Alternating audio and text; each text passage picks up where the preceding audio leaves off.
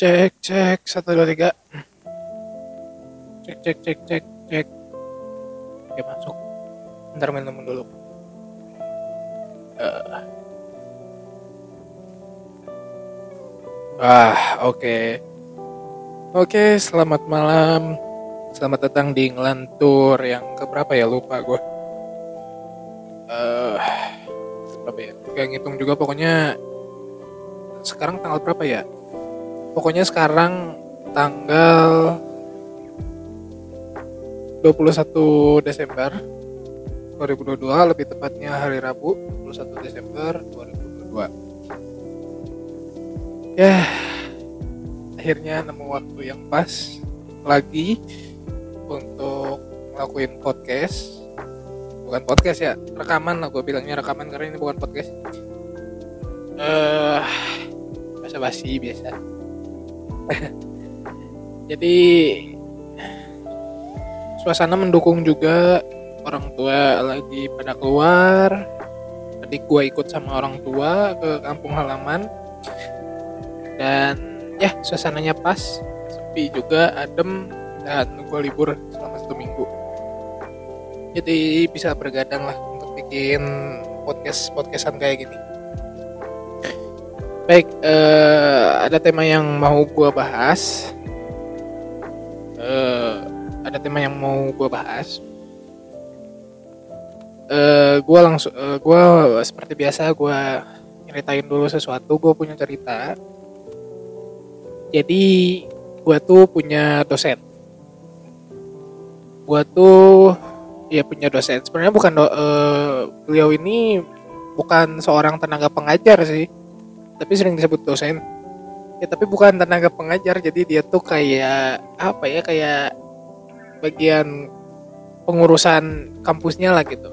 Bukan bukan tenaga pengajar bukan yang ngajar.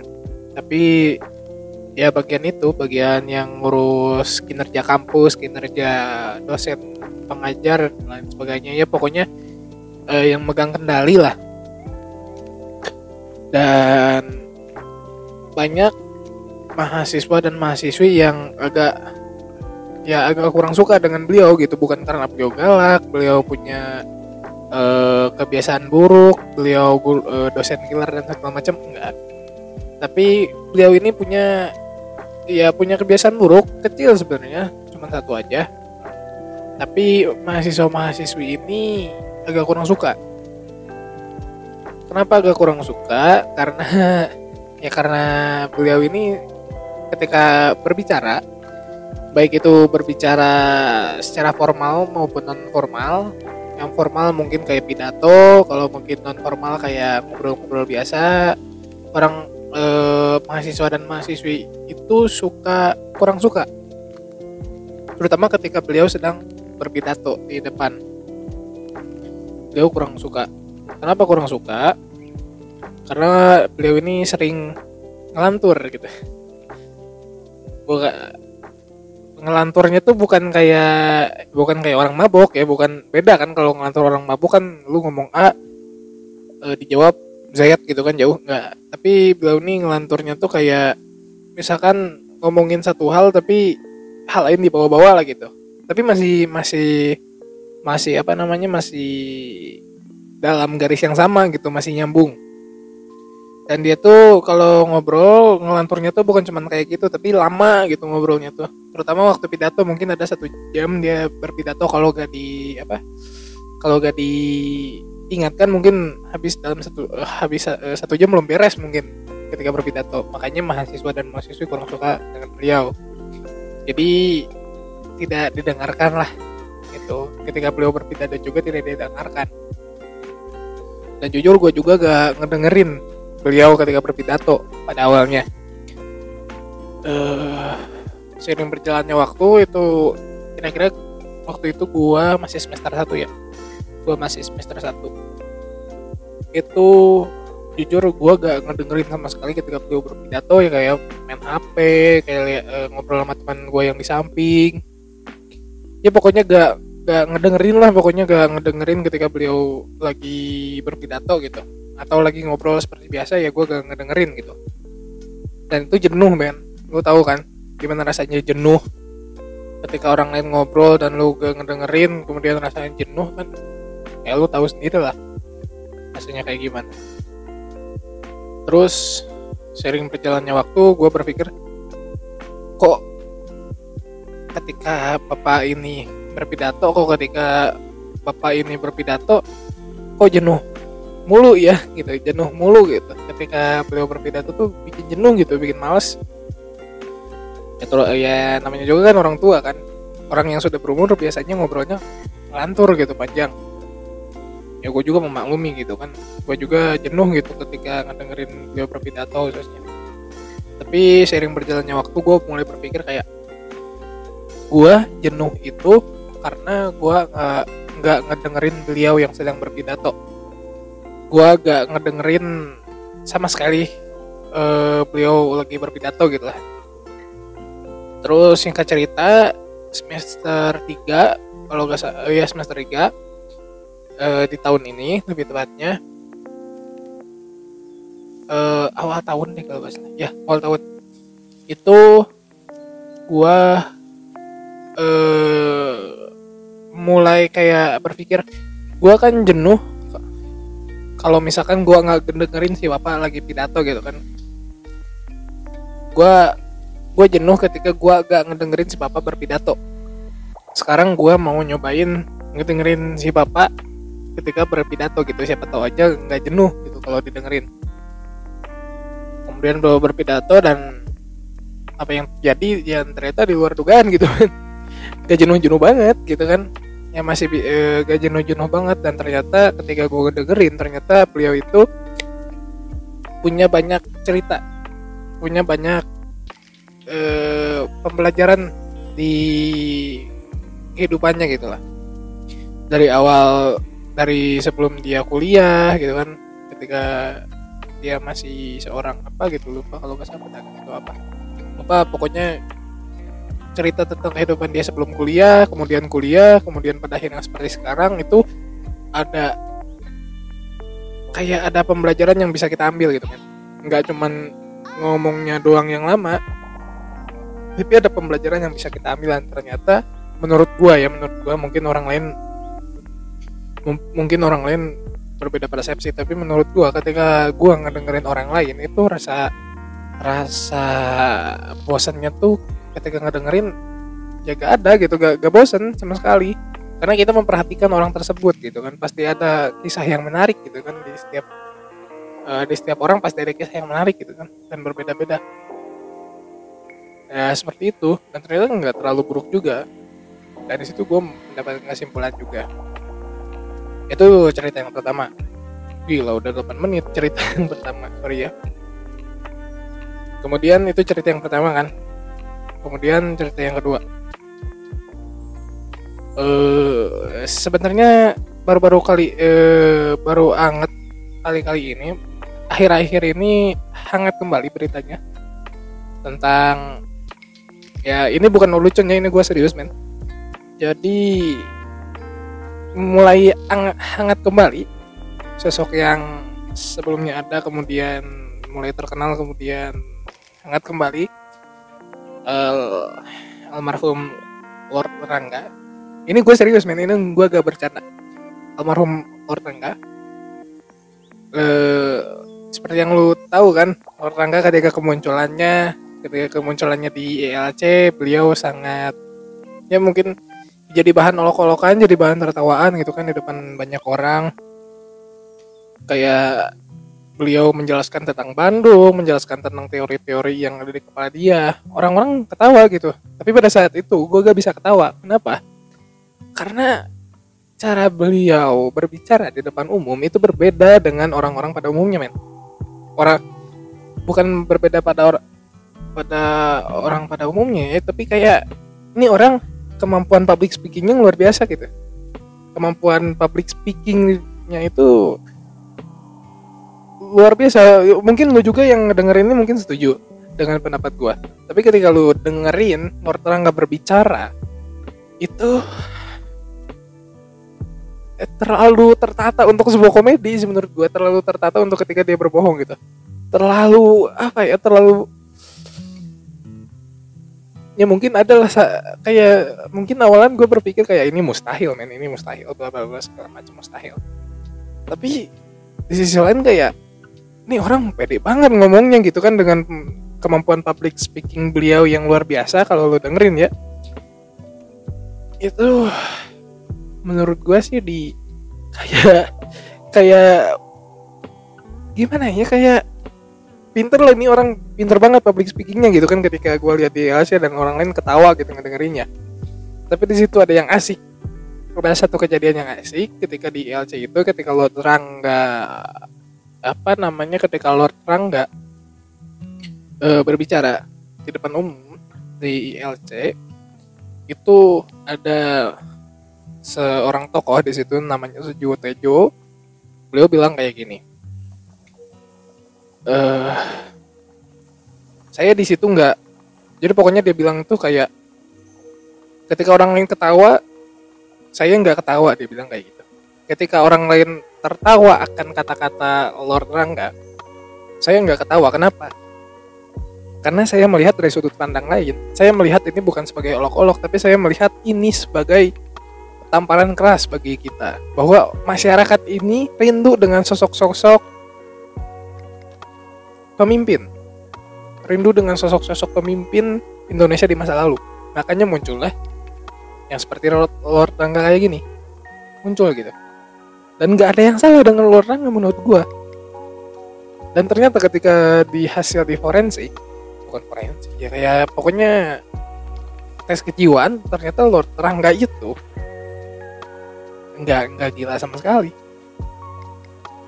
Itu yang gue kayak cukup kaget gitu kan dan dan gue juga dari awal udah berpikir ini orang nggak gila ini Lord Rangga tuh gak halu gak gila cara ngomong dia tuh ya normal dengan public speaking beliau yang luar biasa ya gue nggak gue nggak gue dari awal gue gak ngejudge dia bahwa dia gila halus segala macam nggak. Gue gak dengerin. Karena terlalu tertata untuk sebuah komedi menurut gue terlalu apa ya terlalu rapi gitu. Teori-teori yang ia sampaikan itu terlalu rapi menurut gua. Kayak gitu bentar ngebenerin dulu nih oke. Sorry ya ada iklan oke. Ya terlalu tertata menurut gua. Seorang Rotrangga bilang eh, mengeluarkan kata-kata eh, dengan teori-teori tersebut dengan kata-kata beliau itu terlalu tertata menurut gua. Gue gak ketawa dari pertama. Sumpah demi Allah demi Tuhan gue gak ketawa. Karena gue menganggap hal tersebut ya seperti kayak Sujiwo Tojo tadi dengerin itu kan dan yang membuat gue ketawa itu ya sekarang. Ketika Lord Rangga sudah wafat itu yang bikin gue ketawa. Apa? Bukan bukan karena beliau meninggal bukan.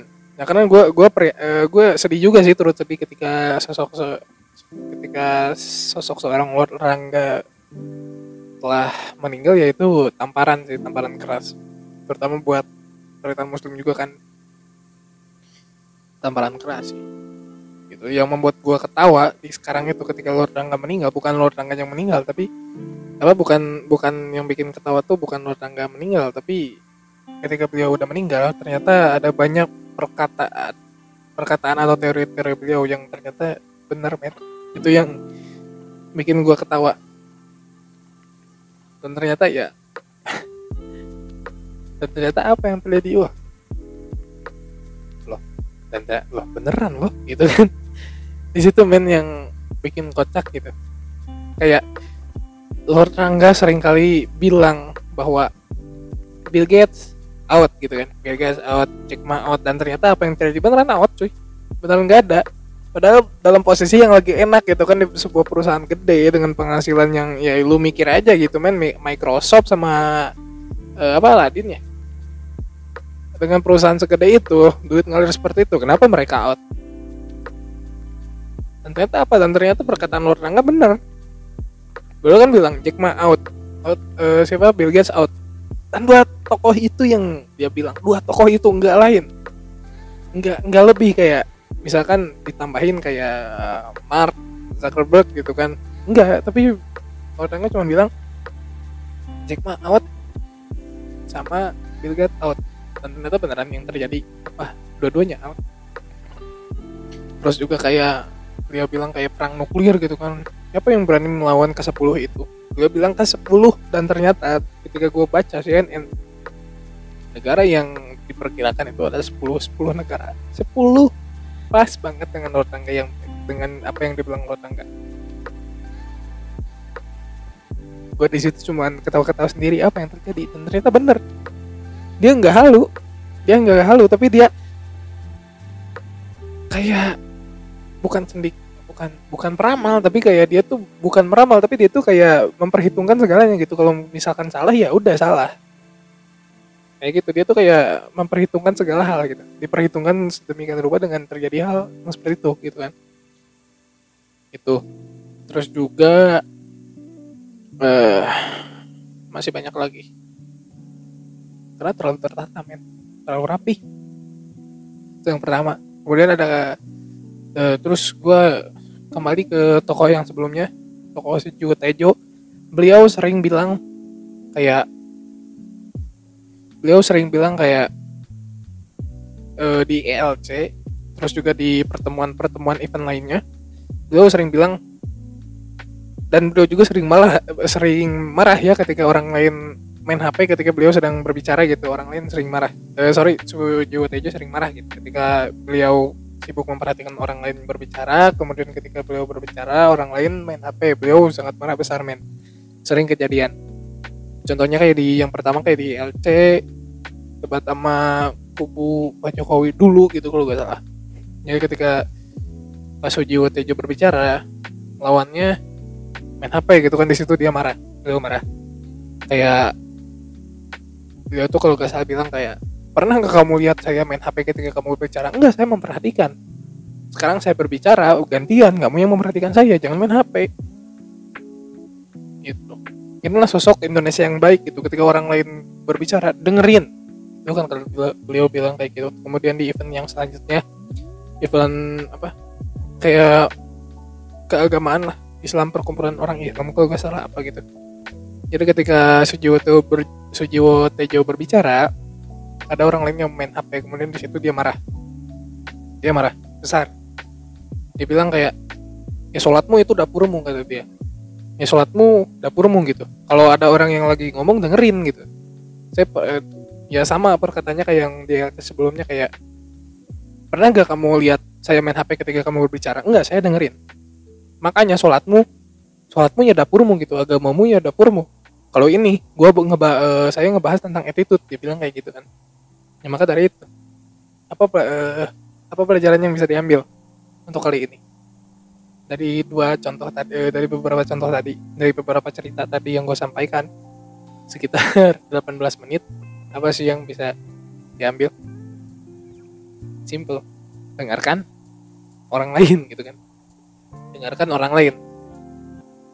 Kayak dengarkan iya dengarkan orang lain gitu. Meskipun orang lain itu orang tersebut yang lagi bicara tuh nyebelin gitu. Tapi ya kita dengerin aja dulu siapa tahu dia bukan siapa tahu ya dia pasti punya eh, apa namanya dia pasti punya sebuah pembelajaran di balik kata-katanya gitu.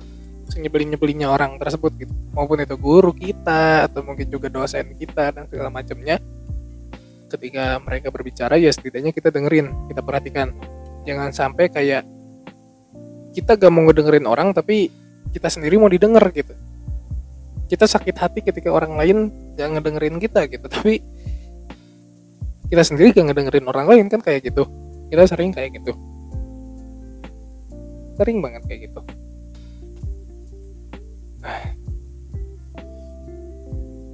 Uh, seperti kata-kata gue yang sebelumnya di ngelantur gue yang sebelumnya gue mengutip kata-kata setiap orang memiliki ceritanya masing-masing. Gue masih inget tuh setiap orang memiliki ceritanya masing-masing dan kita harus mendengarkan cerita tersebut gitu kan setiap orang memiliki ceritanya masing-masing yang jelas berbeda-beda kan ceritanya dan kita dan di setiap cerita atau setiap kisah itu pasti memiliki nilai pembelajaran di baliknya. Maupun itu positif ataupun negatif ceritanya. Maka dengarkanlah. Sebagai contoh kayak orang yang menceritakan tentang kesuksesannya. Ketika dari nol sampai sampai sekarang misalkan orang sukses yang menceritakan kisah dia dari nol sampai terakhir misalkan. Dari nol sampai sekarang gitu sampai bisa sampai bisa sesukses sekarang gitu misalkan. Itu pembelajaran yang positif. Pembelajaran juga pembelajaran itu jelas pembelajaran. Kita tiru hal tersebut. Apa yang bisa kita lakukan? Apa yang bisa kita tiru dari sosok tersebut dan eh, dan juga kisah yang negatif misalkan man, eh, mantan pembunuh misalkan. Jangan mantan pembunuh ya terlalu eh, jangan mantan pembunuh deh terlalu gede. Mantan pencuri misalkan mantan mantan preman lah. Mungkin beliau kayak suka minum alkohol suka berantem ya suka mencuri dan segala macamnya lah. Apakah itu bisa menjadi pembelajaran? Bisa. Jangan diambil negatifnya. Meskipun itu cerita negatif misalkan ya itu bisa jadi pembelajaran bukan bukan diambil pembelajarannya kayak bagaimana mencuri bagaimana cara uh, gebuk-gebukan dan segala macam enggak. Jangan diambil itu nyala jelas. Ambilnya kayak ya itu sebagai pembelajaran. Ya jangan diambil negatifnya diambilnya yang positifnya kayak berarti gue gak boleh kayak gitu. Maka kalau gue kayak gitu hasilnya bakal seperti ini. Nah itu kan bisa jadi sebuah pembelajaran. Seperti itu karena sebenarnya dari ngedengerin dari ngedengerin kata-kata orang lain itu kita bisa mengambil sebuah kesimpulan. Bagaimana sifat asli seseorang itu gitu kan? Bagaimana sifat asli orang tersebut gitu kan? Sebagai contoh kita uh, kita mendengar uh, kita mendengar orang positif dan mendengar orang negatif itu berbicara misalkan uh, bercerita tentang kehidupannya. Misalkan ada seorang pejabat dengan seorang uh, pencuri misalnya seorang pejabat dengan seorang pencuri. Pejabat ini sering bagi-bagi rezeki sering bagi-bagi rezeki sering bagi-bagi uang dan segala macam dan pencuri ini jelas mencuri gitu kan. Kayak ini seperti itulah. Misalkan pejabat si pejabat ini sering berbuat baik kepada orang lain gitu kan. Kita kan nggak tahu cerita dia sebenarnya kayak gimana. Kayak misalkan ya ada contoh baru ya. Contoh yang masih fresh juga.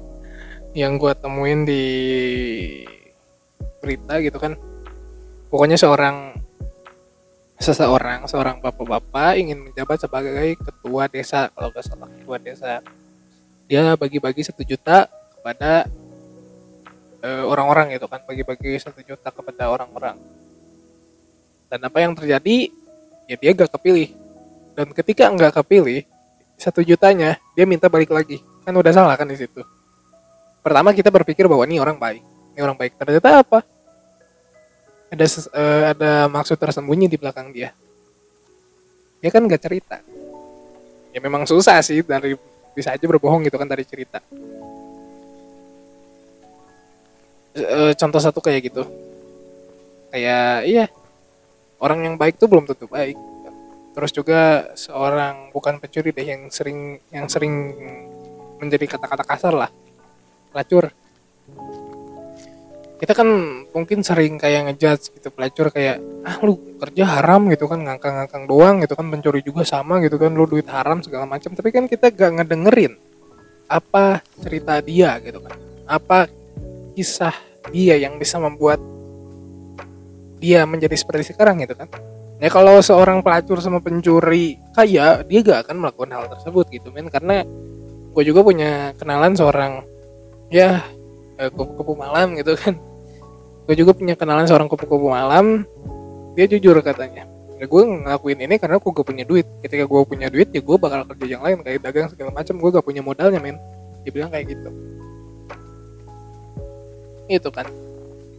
Dan ketika gue ngedengerin kisah dia uh, kenalan gue ini yang seorang kupu-kupu malam ketika gue ngedengerin dia ya ya make sense.